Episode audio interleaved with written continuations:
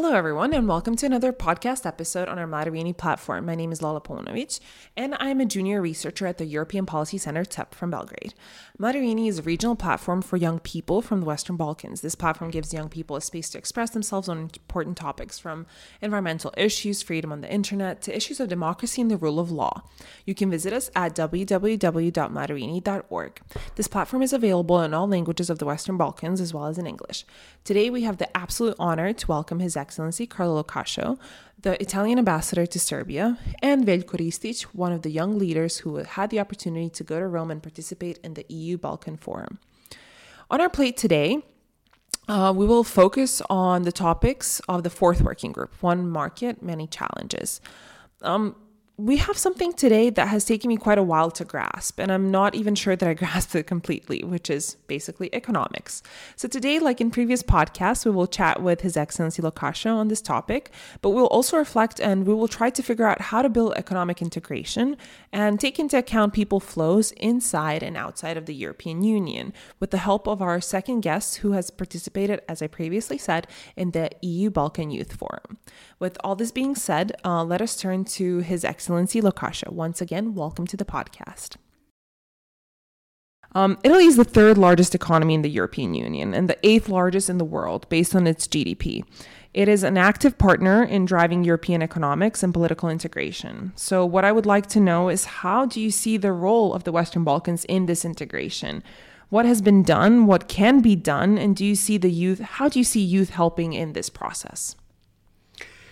Well, Western Balkan countries are working hard to reach the high standards requested by European integration on economic and political level. Of course, more steps are still necessary, but looking at the outcomes, the direction seems to be the right one. In 2003, the European Council clearly set out a linear f- future path for Balkan countries, inviting them to accede to the EU. We should build on that and keep that spirit going. The Western Balkan economies are already interconnected, interlinked with the EU. At the regional level, they're also depending from each other.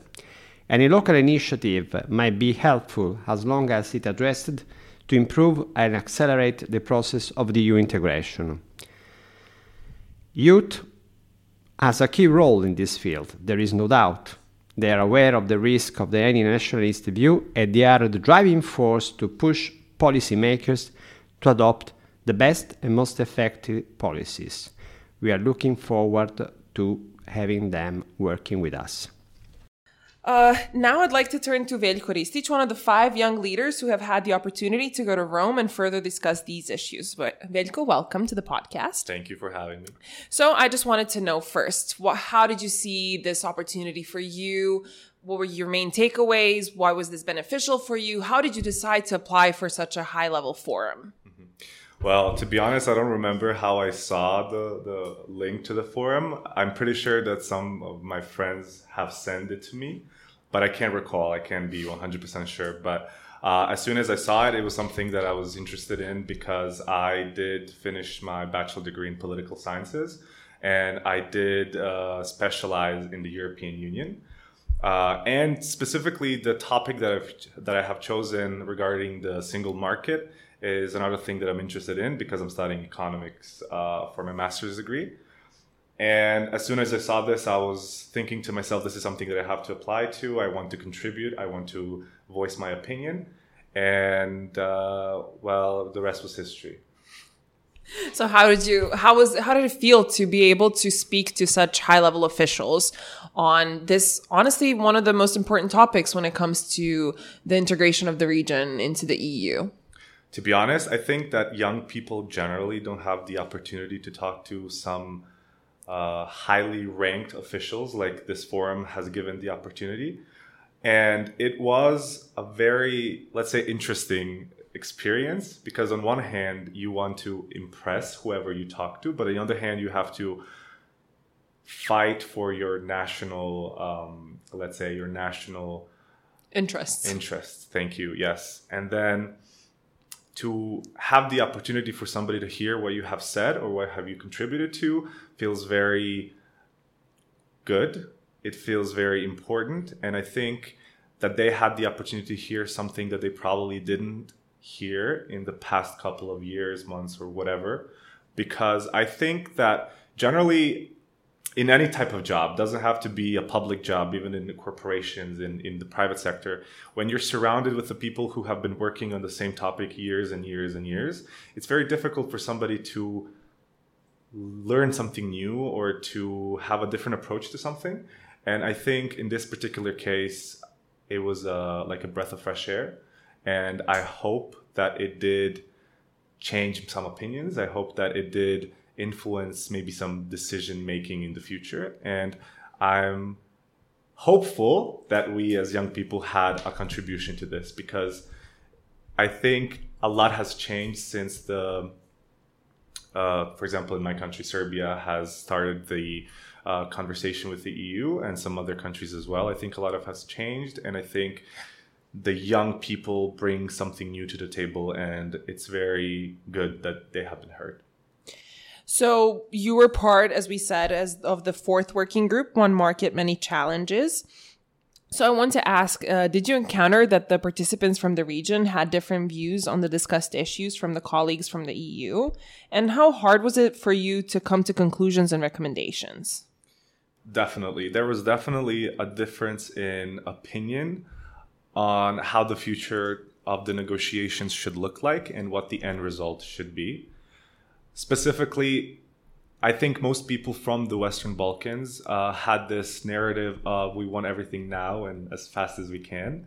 And on the other hand, our colleagues from the European Union had a different approach where they wanted things to happen slowly, but of quality. They didn't want to rush things, especially because our countries have had rough history, let's say. And so there was a disconnect in the sense that we couldn't agree on how the future should look like. But at the end of the forum, we kind of had mutual understanding of what is the best for the region and what is both uh, beneficial for the European Union and us as a region. So yeah, it was it was a bit different, um, but surprisingly, most countries from the Western Balkans had a similar opinion. We didn't the the, the opinion was not that different. Uh, the difference came in terms of our European colleagues. Hmm. Did you find it weird or somehow strange that you guys came to the forum from completely different backgrounds and contexts and kind of saw that there is there are issues that connect us all? Was that strange to you because sometimes I have found that uh, I think that only youth from my country is facing this issue, but it happens that everyone from Europe or everyone that I meet or talk to is facing the same issue. Was that strange to you or was it kind of expected?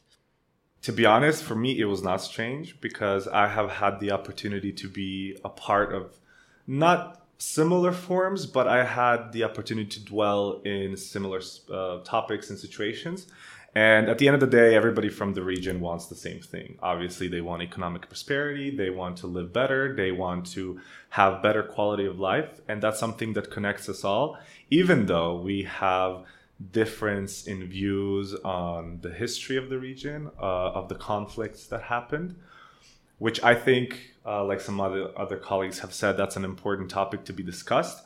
But I would prefer that's why i chose this group is to start from something that's common to all of us and that is that we all want to live mm-hmm. a better quality life. And with that being said we are willing to maybe you know sacrifice or move our move our stances in order to achieve that. So that was something that i found personally very interesting. Okay. So tell me i want to know more about the process of mm-hmm. working with people um, tell me how you came to the conclusions. Tell me about the four day process you were mm-hmm. involved in. Well, the first thing I think that is most, most important in this process was we had to familiarize our European colleagues with the situation in the region. Mm-hmm. Most of them had, I would say, an understanding to some degree, but uh, they needed a deeper understanding of some cultural or socioeconomic aspects that uh, drive the economic situation in these mm-hmm. countries. So first thing we had to do was to take each um, Western Balkan country and just look at their economies, look at the difficulties that they're facing, look at the transition that they have been through, uh, what their current situation is regarding the negotiations with the European Union, and then go from there. That's very important because not every country is on the same uh, level in terms of negotiation and they're not on the same level in terms of economic prosperity. So when you create policies for for one group, you have to take into account the differences, which did cause some issues because something that you can implement, for example, in Serbia, you can't really implement, let's say, in Albania or in the Bosnia and Herzegovina. Mm-hmm. So those are some of the difficulties that we had, and we had to work around those things. So having, you know, colleagues from the European Union was very beneficial because there are countries who had different paths to joining the European Union, and there are some things that we find similar, some things that we find different. And the conversation was very fruitful because we had, obviously, we had um, examples that have already been done and that we can use in our situations, but also, you know, work together on new examples that we can use in the future. Okay. So, your recommendations that have been published on the website of the mm-hmm. EU Balkanforum.org um, have said and directly addressed the, Ita- the Italian Ministry of Foreign Affairs. What has their response been? you know what's really funny is when the Italian Minister of Foreign Affairs, when we were uh, presenting our solutions, uh, he said something in, in the lines of, you know, you kind of came to the same conclusion like the adults did, mm-hmm. uh, which I thought was really funny because obviously we don't have that much political experience, or some of us some of us are just students, let's say, uh, and to come to a conclusion that's similar in a way to something that people who have a lot of experience uh, came to the same conclusion. I think that's very interesting. And I am actually very uh, happy and uh, with the conclusions that we made. And hopefully, in the future, in a couple of months or years, when key decisions are supposed to happen, if they happen in the way that we envisioned them, I, you know, it would be very, I'd be very honored to have had the opportunity to be a key, to be a part of something that was such a key thing to the European Union accession. Honestly, that would be a very good um, goal to have, I guess. That would be the ideal for that to happen. But I also want to know are there any concrete projects or any tangible things that you have been doing since the end of the forum? What are the things that you and your fellow participants have been working on in order to present the recommendations to advocate for the things that you have advocated? Because, I mean, as you said, this is a very important topic that all everyone from the region should be involved in. Yes, of course. Uh, all the uh, all my fellow colleagues from Serbia who were part of this group, uh, we are working currently on a project where we want to share our solutions, not just for this specific uh, topic that I was involved in, but all other four topics as well. Uh, we're planning to create a project where we are going to share awareness and Uh, have a public discussion with uh, uh, key you know NGOs or key organizations here in Serbia, as well as faculty members, uh, you know, academia, professors, etc., where we want to have a fruitful discussion on the things that we talked about, on the things that they want to talk about, or something that they want to add or subtract. Doesn't really matter, but we want to have a conversation with the key stakeholders here in Serbia to see how the future of our country's um, negotiations are supposed to look like. I think this gives a very new and fresh take on something that has been discussed for quite some time now, and it gives the youth aspect that I think is missing in not just in this particular sense, I think in every aspect of life. I think young people should have more say in some key things because the change is coming from us, not from people who have been doing this for, you know, years and years and years. Mm-hmm. We are the ones who are shaping the future world we're going to live in. Well, knowing you personally, I know that you work in the private sector. So, what do you see the role of the private sector in this process? So, do you see it as a also one of the key stakeholders in this process, or do you see it as somehow a marginal actor in this I think the the private sector actually is the one who's going to benefit the most uh, out of these uh, negotiations, and it's particularly when Serbia uh, joins the European Union, because something something that that is a, a big hassle working in the private sector is all the paperwork that you have to file when you want to export, import something.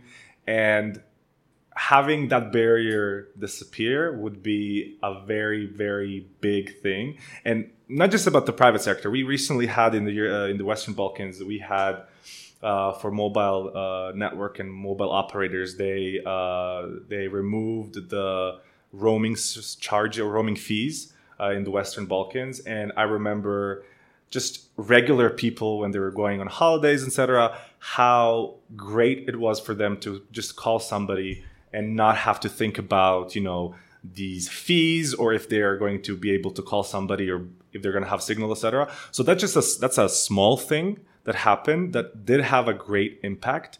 And i'm pretty sure that once we you know continue on our journey in the European Union and the process once those barriers are lifting one by one I think people are going to see an actual difference in their lives. And coming back to what you asked regarding the private sector I think the private sector is a key stakeholder I just I'm not sure how willing they are to be involved in the process because it does mean that they have to be a little bit political about it, which most private sector, most companies do not want. But I'm pretty sure that most companies would prefer, you know, to be part of the single market mm-hmm. because the, the the opportunities in the single market are endless. Not just for foreign companies, but also for domestic companies because you can uh, you can compete with your fellow European uh, Europeans and the amount of opportunities the single market gives is, I think, tremendous. So, finally, I want to ask you what would you say to the young people? What would your recommendations be? Would you encourage them to take a part of the following forums of uh, opportunities that come up, such as this? You know, I I'm of an opinion, and I have been like this from like a very young age. Is I want to be involved in everything. If there is something, if there is something that is going to affect me in my life in the future, I want to be a part of it. Obviously, I can't change every decision and I can't uh, be involved in everything, but I just want to have the opportunity to try to change something or to have my voice heard. Something that I have noticed in the youth today in our region, but more specifically Serbia, because I'm more, most familiar with that, is young people, even though there is a tendency to, for young people to start doing something, and I think the um, awareness is increasing, but I think the majority of people are apolitic. They don't really want to be involved in these things because politics is kind of considered something that's not good in our countries. It's considered something that you can't really affect decision making and stuff like that. But I think most people and everybody who's listening is you don't have to be a high level official to create some change. You can start from small things in your community by just not throwing the trash on the ground or, you know, just cleaning the, the, the, the, rivers and stuff like that. I know this sounds silly and it's something that probably most people have heard over and over again, but you have to start small to do something big. You can't, you know, you can't start changing policies when you haven't done anything prior to that. You have to start from small things to have a sense of community, to see how your decisions change something or don't change something. That's also a possibility. But I just, I would urge everybody to try to be involved in as many things as they can because at the end of the day, if you are not the one who's going to be involved, somebody else will. And that somebody might tailor things to their likings, not yours. So you have to be there and you have to take the future by its hands and, you know, do your part. I think that's very important. Thank you, Veljko, for this very enlightening message. And these were His Excellency Lo the Italian ambassador to Serbia, and Veljko Ristić, a young leader. And you were listening to the Mladi Rini podcast. See you next time, and goodbye.